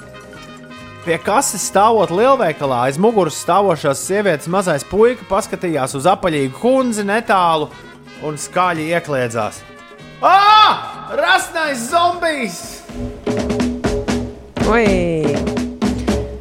Tā, ceturtā vieta ir Emīlam. Pēdējais tāds kārtīgs sveškauna moments esot bijis viņa kāzās. Notika spēle striptīs, kur dalībniekiem tika iedalīts eh, kaut kāds kostīms. Tad, nu, lūk, sievas tēvam tika iedalīti svārki, zeķu bikses, parūka, topiņš un citi atribūti. Sāk skanēt eh, seksība mūzika un jāsāk mūzikas pavadībā izģērbties. Eh, Jāpiebilst, ka tās ir jau nu, pieaugušo vakar izklaides, un sievas tēvs bija nu, kārtīgi ierēbis. tas moments, kas visus šokēja, bija tas moments, kad novilka zeķu bikses kopā ar boxeršortiem un dejo ar bliku Pats ziniet, paši ziniet, ko, un pats to nemaz nenojaušu. Visi smejas, bet, eh, bet, bet, bet eh, jā, nu pats, eh, Emīls. pats dejotājs jā, nezināja, par ko tad viss smejas. Emīls bija saķēris pieri. Jā. Jā. Uz veselību. Uh, labrīt, Mārcis raksta. Man ir sveškauns, kad klausos Ineses geogrāfijas spēli par tām atbildēm. Piedodiet, bet tā reizēm ir. Jā. Bam, bam, bam, bam, bam, bam. Nu, kā ir tā, ir otrā vieta ir Likai. Viņa raksta, ka mūsu kāzās, kad viesis, kurš ir arī DJs, pēc maltītes izkārtoja aparatūru un sāka spēlēt mūziku. Kauns bija, jo mums bija kāza muzikanti, bet viņi tik kādas piecas dziesmas nospēlēja, līdz tika izspiesti. Es tagad dīdžeju. Šī man dāvana jauniem pārim. Bet- bet Un vispār- uzliek mūziku. Bet, vi- bet vispār tas ir, nu, ja tu netīšām trāpies kā DJs kāzās, kur ir cits DJs, tur ir vajadzīgs raksturs, lai. Uh, Noturētu. Lai, jā, lai neiet. Savas rokas kabatās un neiet Jā. pakstīt pa pogām. jā, jā, jā, ir tāda lieta. Un numur viens ir Mikls. Sveškauns ir TikTokā, kur sīkie filmē Fortnite video vai kaut kādas māmas plus 35 eh, filmē kā dejo. Ah. Es eh, šo vietu šo ieliku pirmajā vietā, pirmkārt, tāpēc, ka tā atnāca viena no pēdējām, un otrkārt, tāpēc, ka man liekas, ka TikToks ir sveškauna avots numur viens mūsdienās. Ja tu vēlēsies sve, koncentrēt sveškaunu 30 sekundžu laikā, ieej jebkurā brīdī TikTokā, un tur būs. Bet mums ir vēl daži, kas neiekļuva topā. Ir Ieva par kapu svētkiem. Viņa braukusi uz kapu svētkiem, kur notikušas arī bērns. Un viņa meita prasījusi, kad, ie, kad iesim apsveikt to cilvēku, kurš guļ tajā mājā. Nu, kaplečā. Jā, Jā, jā un diplomāts raksta, šis, jā, ka, Šis ir labākais sveškauna piemērs, okay. man liekas. Jā, bet diplomāts saka, sveškauns ir tad, kad esi skaidrā un sanāk vērot savus draugus, nedaudz sagurušus un burās vecerīgā. Tālāk, Jā. tālāk. Tāds mums 10. cēlies augšā, cik var gulēt. Pietiks, pietiks, vai ne? Nu, jau kādu laiciņu pietiek, jā. Ulu, kāds tavs dienas plāns? Tu esi gulējis pāris stundas. nu jā, man vajadzētu noteikti pagulēt. Man bija plāns, Es esmu dzirdējis, ka tie labākie pēcpusdienas radiodiktori ir tādi, kuri labi pagulējuši. plāns bija, plāns bija palikt radio, izdarīt visādas lietas, kas jādara diezgan daudz, un tad, ar, nu, pie reizes arī sasūkt sevī šo radio atmosfēru un, un būt uz viena viļņa ar Inesu un visu kaut ko darīt, bet, bet laikam tas plāns nesanāks, jo ir gulētas trīs stundas. Zinu, ko es iedomājos. Man arī šodien tā diezgan ļoti nāk miegs. Mēs abi noguļam. Kur tad raidījums? Tad, tad, es, te, tad es teiktos palīgā, un es sēstos pie mikrofona. vienkārši labi. Es, Es es uzlikšu mūziku. Jā. Šodien raidījumā pēcpusdienā, darbie Latvijas radio viens klausītāji, mēs paklausīsimies varenu mūziku. Sākam ar Davidu Boviju. Šis ir Changes. Jā, bet tiem, kas nezina, par ko mēs runājam, mēs runājam par to, Par ka- Ulda debiju LR1. Šo... Par ko es vēlreiz, es jau vienas reizes pēcpusdienu. kadrā teicu, es biju nolēmis, ka nu, ātrāk, nu, labākajā gadījumā rītdien par to varētu parunāt ēterā. Bet, nu jā, Mm, nevienmēr tas, ko lem, ir tas, ko Nevienmēr tas, pļauj. ko tu domā, nevienmēr Toms to zina. Tas, jā. bet, bet man jau nedod mazliet mieru tas scenārijs no, no filmas, eh, nevis Weatherman, bet kā sauc to, kur. Rainman. Nē, kur No, no, mēs Vils nevaram. Ferels spēlēja galveno lomu. Viņš bija tas ziņu lasītājs, nu, slavenais ziņu vīrs. Nu, tā ir komēdija. Tā, Tādu es neesmu redzējis. tā ir. Nu, tur,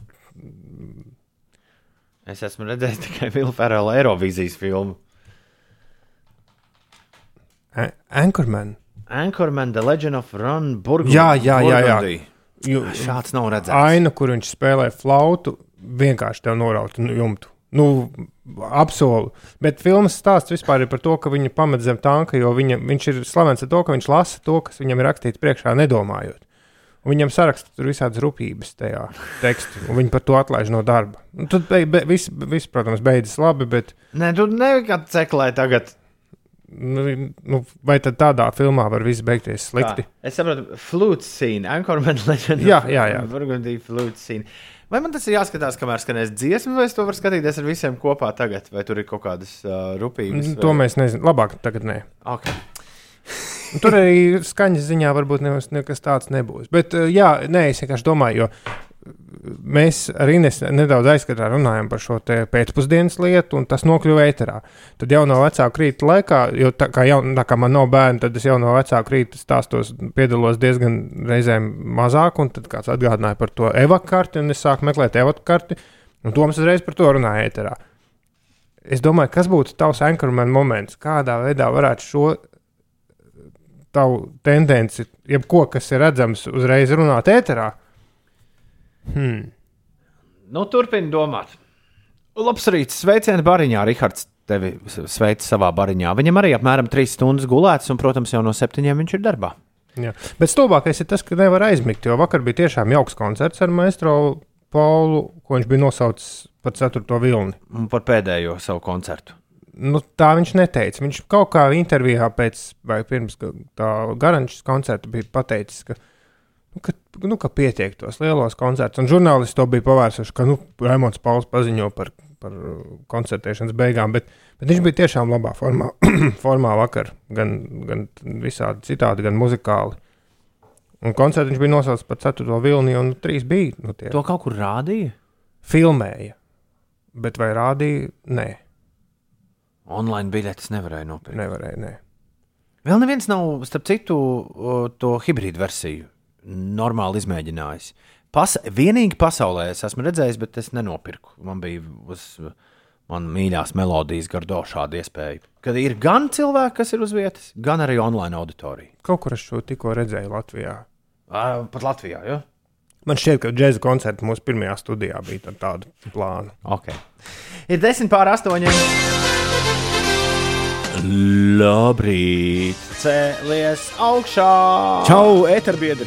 Etera cilvēki! Labrīt, Artu Wolf! Labrīt! Te Lauris Reiniks! Celies augšā! Pastāties, kādi visādi jauki cilvēki mums te uh, sanākuši. Tas ir nereāli. Ko es tur redzu Twitterī, kas darās un Facebookā? Jā, tas 3 pret 3 basketbols uz mirkli ir svarīgāks nekā īstais basketbols.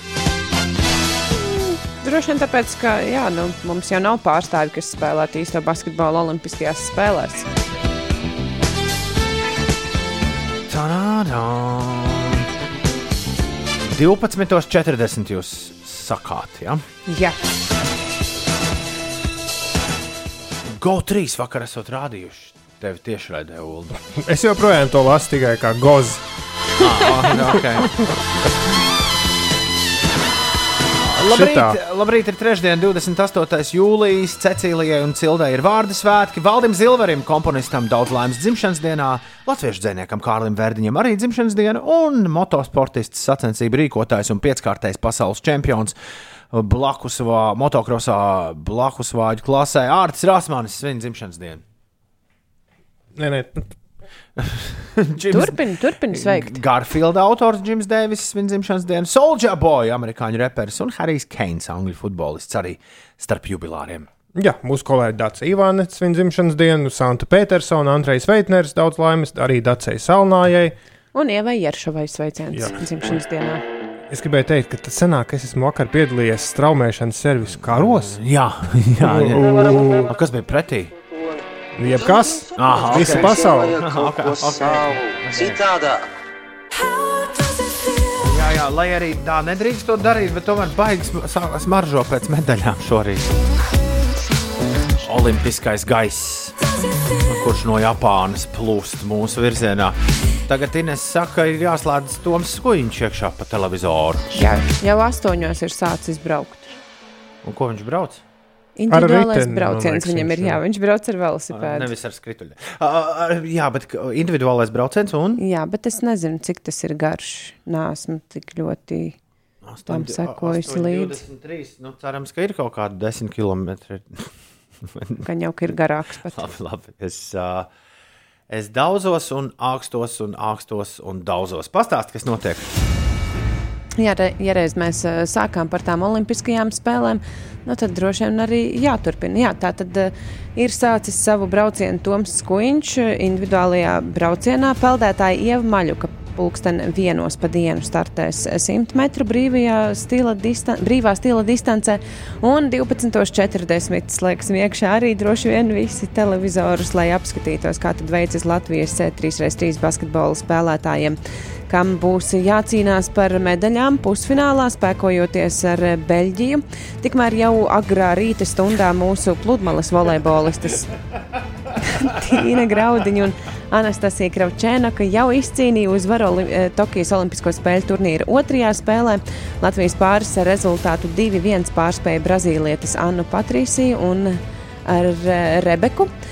Jā, vakar Tokijā tika sadalīti 22 medaļu komplekti. Japāna turpina izcilo startu, pirmā sasniedzot 10 zelta medaļu robežu. ASV sportisti vienā dienā izcīnīja 11 medaļas, un prieks par kaimiņu sportistēm Igaunijas palkotājas komandu sacensībās ar špagu finālā pārspēja Korejas kvartetu un ieguva zelta medaļu. Tagad Ulas uzslēdz beidzot īsto laikam. Jā, laikam. ko tad, par ko tad tu tā sasmējies pirms tam? Pirms tam bija Toms Par kaut ko, kas bija kaķa. Toms Skuiņš izskatījās pēc kaķa, kuram bija piestiprināts spārni. Tā bija mūtfilma, Bet šis ir, šis, šis ir īstais pastāstījums, kā Igaunis gāž. Igaunis gāž, jā, rāda šobrīd. Kangerts. Kangars! Vai nav tā, ka tur ir vienkārši vairāk? Ne, es, es, es baidos, vai nav tā, ka ir vairākas uh, riteņbraukšanas šobrīd. Nu jā, bet kurš no tiem 80 kanāliem ir īstais? Re, kur basketbols, summer, tad ir Wimbledonas fināla rāda. Tas ir atkārtojums, vai ne? Jā, jā, jā. Šorīt. Jā, koka namiņu meistari. Tas ir foršs rādījums. O, līdz virsū. Būvē koka namiņus. Paskatīsimies. Tā meklējam tagad velospēdistus. Ja? Ir 8,25 minūtes. Labrīt! Ir visai feini, ka nu, tādā agrā rīta stundā sanāk. Sanāk olimpiāda. Hanzas Perons, vieta, kur mēs svinējām savus dārza svētkus pagājušajā nedēļas nogalē, to iesākot piekdienas pēcpusdienā un vakarā, ir uztaisījis grandi, es teiktu, gra- šiem laika apstākļiem grandiozu festivālu, kurš notiks šajā nedēļas nogalē. Finčs un Prāga divi spēlēs Piektdienas vakarā Uldis spēlēs veselos divos koncertos. Sestdien Everton Two Dragons brauc speciāli spēlēt Oh, šeit. jā. Tiger Lilies spēlēs dzīvajā. Carnival Jūs, Linda Līna, Ozols, Saina Libra, man liekas, vienīgais koncerts jebkad Latvijā. Wow! Uh, uh, Man pilnīgi netīšām ir tā nu sanācis, ka bērni pi- pirmo reizi mūžā, kopš man ir bērni, bērni tiek sūtīti uz laukiem ar vecmāmiņu.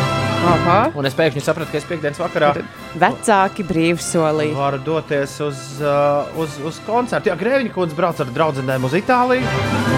Wow! Jā, Ine- Ines, man ir vēl, vēl viena lieka biļete nāks. Ko tu dari piekdienu vakarā? Oh. Negribu atnākt uz Evertiem. Uldim droši vien pašam savu biļeti. Jā, un piekdiena man arī. Ah, man ir piekdiena mēģinājums sestdienas neaizmirst, koncertam. ka tev arī ir raidījums. Jā, jā, jā, jā, tas ir. Ne, pēc pēc, pēc Jā. pusdienas. Vispār var jau padomāt, var padomāt. Nu, padomā. Es, es tev ļauju līdz rītam padomāt. padomāt. Labi. Ja, ja nekādu citu ņemšu līdzi. Bērnu laukos būtu bijis labs temats uh, jau no vecāka rīta. Nu, nākamnedēļ izrunāt. Nākamnedēļ mēs Ai, nevarēsim. Aiz, jā. aiznākamā nedēļa būs Jā. Man būs daudz materiāla, ko jums stāstīt. Gan bērnu laukos pie vecākiem pirmo reizi mūžā, gan arī dzēn, protams, ā, varens, va, vareni būs gan jau, ka mums arī Igaunijā gājas. Ja līdz turienei tiksim. Tā, iebraucot Jālgavā no Dobeles puses, vērienīgs sastrēgums ziņo Kaspars. Krasta ielā uz centru viss slikti vidējā joslā avārija džins ziņo ir korķis. Neģulis pēkšņi no zila gaisa ir uh, paziņojis šorīt mums, rakstot īsiņus 293, 120, Manchester United nākošais sezonu uzvarēs Champions League un Anglijas Premjerlīgu. Pieminiet šo tekstu, kad tas notiks. Vai Skrāpējam sienā. Voi kā Ulas nožāvājās. Neģulija, tu to redzētu. Tas arī nebija ēterā jāstāsta, bet labi. Nē, es, es, Kas tev šorīt ir? Nē, nē, nu vienkārši tas piesienos. Labi, es pierakstu. Tā, Manchester City uzvarēs. Manchester United. Tas nav tas pats, kas City. Manchester United 16 dienas ir atlikušas līdz Premjerlīgas sākumam. Tikko tas beidzās. 16 dienas! Un Manchester United vaļā. bija tie, kuriem riktīgi Manchester negāja. United pirmā spēle ir sestdiena, 14. augustā, pulksten pustrijos. Pret Līdzes United. Tā likās, ka no tā futbola varēs atpūsties. Aha, te tev nu bija. Tūdaļ pat būs klāt. Manchester bija tie, kuriem šausmīgi slikti gāja, tad gāja labi, un tad atkal negāja. un Beigās Es- viņi neko nedabūja. Nu Viņi nevinēja vai ne līgu. Es nu pat sapratu, Ines, ka tev Islandē arī būs jāiet ar mani uz groziņu futbols skatīties. jo United iekrīt tieši spēle ar Jā, nu, tad Southamptonu. tu nāksi apskatīt arī ar mani klintis tur kaut kur. Sarunāts, sarunāts. Uh, Kādā pārgājienā iesim. izklausās lieliski, izklausās lieliski. Tik tie pārgājieni zābaciņi jādabū. Edžels tik paņēma pie sirds ūdeni, kā tu tā vari. Bet, bet, nu, Par ko tad? par to, ka es to Manchester City pieminēju. nu, jā, bet Edžela, bet futbola fani ir smieklīgi, jo ta, tas, kā gānīja komanda pagājušās sezonas sākumā, un tad, kad viņiem sāka pēkšņi labi iet, tad, nē, nē, protams, labākā komanda, visu laiku labākā komanda. Ja Zaļā, zaļā vārnā bēdīgs. Viņš saka, pagaidām ne visiem ir tie prieki ar pasākumiem. Jo mums vecākiem ir viss ok ar vakcināciju, bet septiņus mēnešus veciem bērniem gan ir ierobežojumi, un tad kompromiss ir izklaidēties kā savādāk. Nu, jāmeklē tāpat kā ziemā uz vēlu koncertu ejot. Nu, kāds, kas pieskat. Nu, jā, jo arī bez visiem noteikumiem, taču septiņus mēnešus vecs bērns diez vai Kāpēc- ņemt uz kāpēc- Tiger Lilijas koncertu. Jo kāpēc skrien uh, riteņbraucējs, nevis brauc? Redz, viņam Saplīs ar Es nevaru saprast, viņš pēkšņi sāk maratonu skriet. kaut kas, kaut Viņam kāds sviests. atņēma Olimpiskajās spēlēs. Diskvalificēja riteni. Varbūt riepa tukša. Uh, Jā, reku viņam tagad atdeva riteni. Ah, reku rāda. Nē, tur kaut kāds crazy. Viņš stumj, viņš varbūt vēl nemācēja braukt. tad vienam no sportistiem tika atņemts, vai viņš kaut kur pazaudēja velosipēdu, un tad viņš skrēja. Un tagad viņš krata galvu. Ka tas nav viņa rīta. Ah, un, un, ja mēs lasītu, kas ir rakstīts augšā, tad tas, bija, īsto. tad tas bija atkārtojums no 2016. gada, 16. gada Tour de France. Ulu, varbūt tas vispār nav pareizās sacensības, kuras tu esi ieslaidis mums. Šis ir. Šis galīgi neizskatās pēc Tokijas spēlēm. Dakārs rallijs 2020. gada. Lūdzu, komentējiet kaut ko, kas ir ekrānā redzams, vai tas ir kaut kādā jēgā arī nosaucams par radio ēteru. Viss es uzlikšu koku namiņu ekspertus. Ja. viss. Rekur, Pirtnieka. cilvēki būvē pirtiņu. Jā. Mēs mēģinājām atrast Tomas Kuņa televīzijā, jo viņam sācies ir uh, Olimpisko spēļu starts jau pulksten astoņos, bet uh, tas nav mums izdevies. Tāpēc mēs mēs te skatīsimies redzējumu koka namiņu meistari. Labrīt! Jaunogris pārbrauktu ciet uz remontu. Linda raksta, neaizmirstam, lai nav jāmet ripā, kā tikko Jā, daudz. jā, jā, Lindas par šo vakardien stāstīja, ka tā būs. Tas, tā, tā, tas nebija Toms Kuņš, kurš nolec no riteņa un skrēja. Nē, nē, nē. Nē, noteikti nē. Pēc tam uzlēc atpakaļ. Skaidrs. Varbūt tiešām. Varbūt Jēziņš gaida Ailišas uh, platas iznākšanu.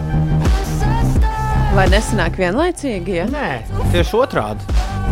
Lai sagrieztu mūzikas biznesu kājām gaisā.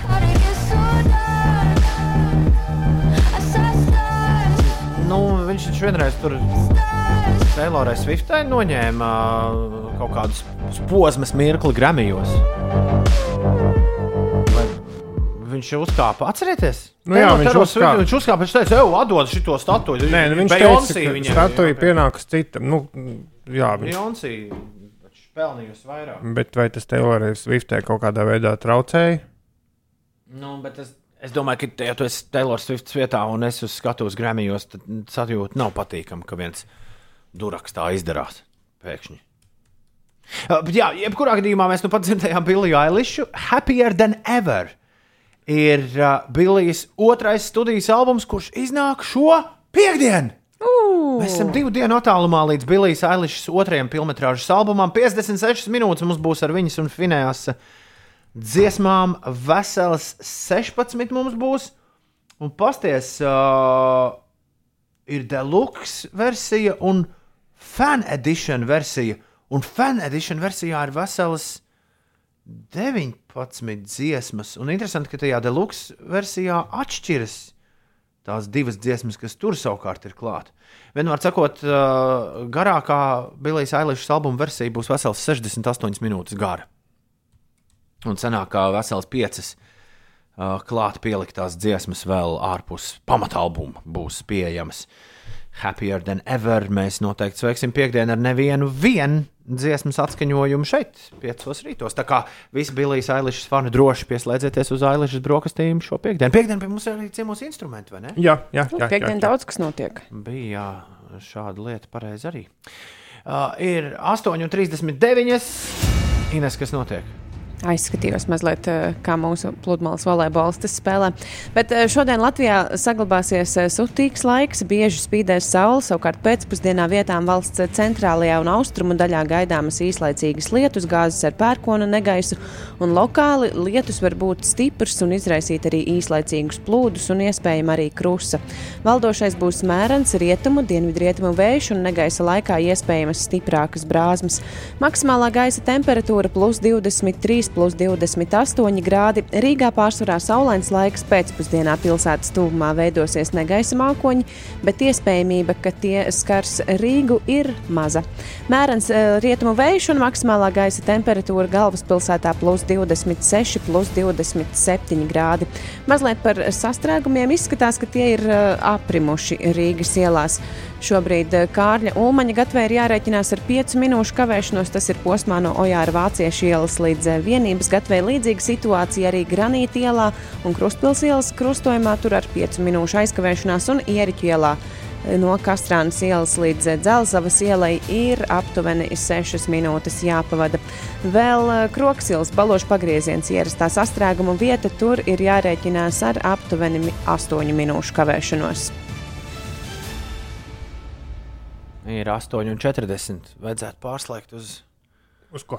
uz ā, nu, LTV 7. Tur tas Tur ir starts vēl- bija solīts. Ne? 8,40. Tur es tagad skatos, ka mūsu pludmales volejbolistas apsveic vienu otru, un tagad būtu jāsākas jāriteņbraukšanai. Un pārslēdz kanālu. Jā, es gan saprotu, ka šī ir tā pati riteņbraukšana, kur būs Toms Kuņš. Vienkārši viņš startē vēlāk. Ah, Tāpēc ah. Acīm redzot, pati riteņbraukšana sākās astoņos, bet Toms Skuiņš uz startu. Kā man patīk šīs olimpiādas pieteikumi, bērnībā patīk pieteikumu filmiņas, kur tagad rāda LTV 7 no animācija, kur piesaka, ka olimpiskās spēles ir klāta. Tas ir jauki. Jā, jā 8,41. piekdienā pie mums ciemosies Šipsi un Reinsī. Mēs papļāpāsim par viņu gaidāmajiem lielkoncertiem Meža parka estrādē. Diezgan tāds drošs solis, ko abi kungi, kungi ir nolēmuši spērt par to plašāk piekdienu no rīta ar, ar instrumentiem. Bet šī ir augstākā līmeņa mīlestība. Tagad, trešdienā, 28. jūlijā. Labrīt! Tu klausies Latvijas Rādio 5, 5 LV, 5 rītī! Cēlēs augšā. Vecie labie Chemical Brothers aizdītajā nedēļas nogalē viņi atgriezās uz skatuves. Es neesmu nekādus video gan uh, redzējis, bet jā, Lielbritānijā.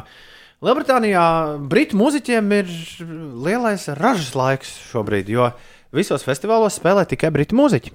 Redinga un Līce pēc uh, nepilna mēneša gan tur ir ieplānojuši arī vēl dažus uh, lielus amerikāņu mūziķus. Paskatīsimies, kā viņiem veiksies ar to, bet uh, visos citos br britu festivālos paši mājnieki ir uh, galvenie mākslinieki. Nu, līdz ar to arī Chemical Brothers dabūs spēlēt The Darkness That You Fear. Nu, pat izskanēja, ēterā ir bez desmit, deviņi, un Tūmis, tu to pamanīji, Uldi? jā, jā. jā. Tūmis ir atrakstījis SMS. Mm, Čau, čau, čau, čau, čau, čau, čau, čau, čau. Rīts iesācies ar labām ziņām Tokijā un cerams, tādas ziņas pienāks visas dienas garumā. Lai labi ripo, labi krīt, lai labi ņurkojas un rezultāti krīt par letiņiem, par uzvarām, par medaļām, par prieku, par emocijām, superīgām.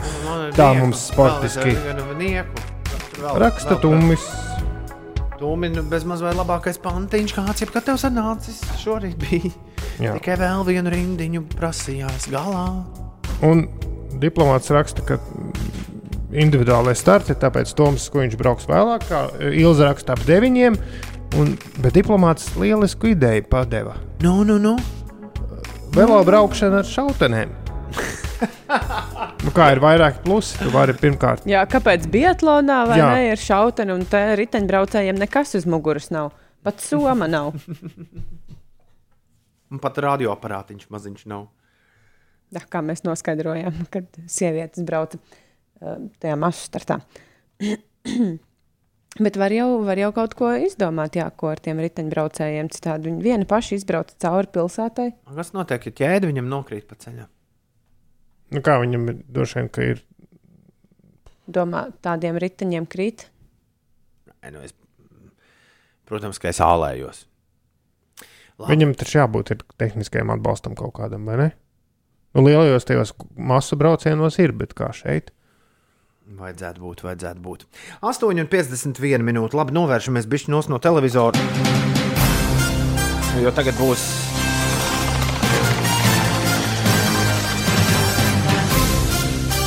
Interesantās ziņas!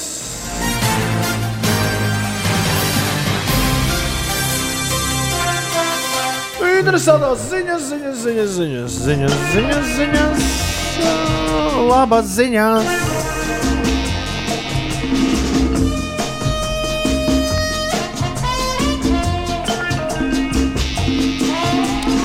Nu, jā, nu tad laikam sāksim ar, ar Škrelī kunga nedarbiem un darbiem. Kas ir Mārtiņš Škrelī? Mārtiņš Škrelī bija tāds vīrs, kurš izpelnījās īpaši plašākas publikas mīlestību ar to, ka viņš, viņš iegādājās kādu zāļu ražotāju un momentā uzcēla šo diezgan svarīgo medikamentu cenu. Es neatceros, nu, no dažiem desmitiem uz kaut kādiem tūkstošiem. Nu, var sakot, astronomiski pacēla cenas. Viņš bija farmācijas, farmācijas industrijas pārstāvis un, nu, kā, kā daudzi saka, diezgan liels kretīns. Nu, viņi tādu cilvēku nemīl. Un viņš tur Ir pirka. šis cietumā. Viņš Nu, jā, sēž viņš- cietumā. Viņš uh, Viņš- iekūlās diezgan lielās nepatikšanās. Kaut kur naudiņa gāja uz vienu, uz otru pusi. Viņam, uh, man liekas, tur bija arī saistība ar kriminālo pasauli. Uh, Nu, nevis bišķi, bet bija, ja jau liek cietumā. Bet pa ceļam uh, Škrelī kungs pa, par diviem miljoniem dolāru nopirka Vutan Clan albumu, kurš ir Ines tikai vienā eksemplārā. Jā, un tad Divi miljoni. Jā. jā, nopirka diviem miljoniem. Vienīgo Un eksemplāru. toreiz es ļoti atce labi atceros, kā mēs par to stāstījām.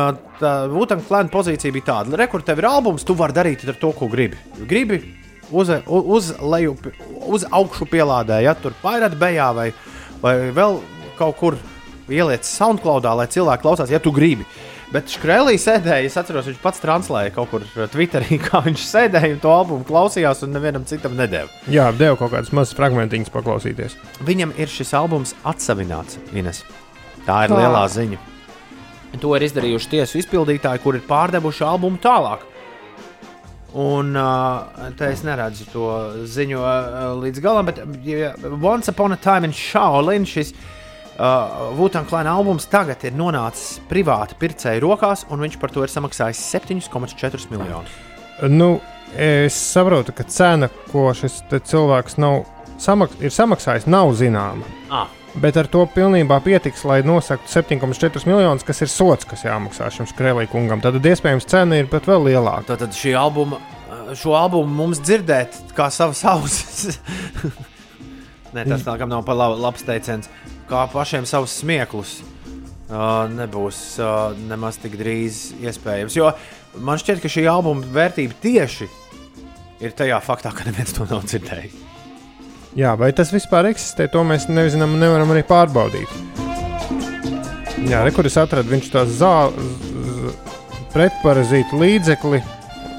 Tā cenu viņš pacēla pēc iegādes par vienu tabletīti no 13 dolāriem uz 750 dolāriem. Lieliski! Jā, bet viņš vēl tur visādas naudas, kaut kādas krāpšanas bija sadarījis, un par to arī ir apsūdzēts un jāmaksā tie miljoni. Un tagad viņš būs samaksājis pateicoties Vutāna klanam. Labs pirkums vienmēr sakot, Jā. bija. Mm -hmm. Piecu rītu interesantās ziņas nereiz vien ir bijušas tā saucamais trendsetters, jeb tendenču ierādītājs, atklājot plašākam klausītāju lokam, kas tad šobrīd ir modē. Un vismaz Japānā Ines šobrīd modē ar joni nāk remote cohabitation. Cohabitation. Cohabitation, remote cohabitation, jeb attālā kopdzīve. Kā ziņo TV Asahi raidījums Hatori Shinchi Morning Show, arvien vairāk jauni pāri vai no apstākļu spiesti vai pēc brīvas gribas izraugās kopdzīves modeli kopā, taču Vesels. attālināti. Jā. Kā tas notiek? Pāris dzīvo katrs savā dzīvoklī, vai pat katrs savā pilsētā, bet sakars uztur izmantojot bezmaksas video zvana lietotnes. Reizēm atstājot tās ieslēgtas uz visu vakaru un nakti, vai vēl vienkāršāk nekad neslēdzot ārā. Kas īpaši svarīgi, šādu kopdzīvi nav obligāti visu laiku, šajā kopdzīvē nav obligāti visu laiku jārunājas, vai vispār jāņem otra saruna puse, sarunas puse vērā. Var mierīgi darīt savas lietas, šivirēties pa mājām un vienkārši zināt, ka turpat blakus video zvanā ir otra pusīte. Daži pāri mēdzot kopā skatīties filmas vai vakariņot, bet tas nav obligāti. Var arī vienkārši būt viens, bet attālināti kopā. Jocīgi, bet nu labi. Nu, šis esot Japānā bijis modē jau iepriekš, bet ar, līdz ar Covid laiku īpaši izpelnījies tādu popularitāti. Jā. Neredzamā kompānija. Es domāju, ka mēs neesam tālu līdz tam, lai šo neredzamo kompāniju kāds nu, digitalizētu, iemācītu Siriju vai, vai, vai tajā leksē. Spēlēt fēna skaņas, ēst gatavošanas skaņas Par konkrētos to jau laikos. ir uh, Filma, jā. filma Her, ja nemaldos. Padomājiet, cik daudz CO2 izmešus tie video zvani rada. Ja tas zvans netiek izslēgts uz visu dienu. Kaut kad mēs par šo runājām. Tas būs tagad nākamais trends, to redzēs Ulu tuvākajos gados. Visi par šo runās. Cik internets bojā dabiņu. Uh, jā, mēs par to iespējams parunāsim atkal rīt. Vuiku daudz jautājumu Artim Wolfam par Olimpiskajām spēlēm mūsu klausītāji atstājuši. Tagad viņš uz tām arī atbildēs, bet mēs būsim atpakaļ rīt starp 6 un 9. Visu labu! Atā!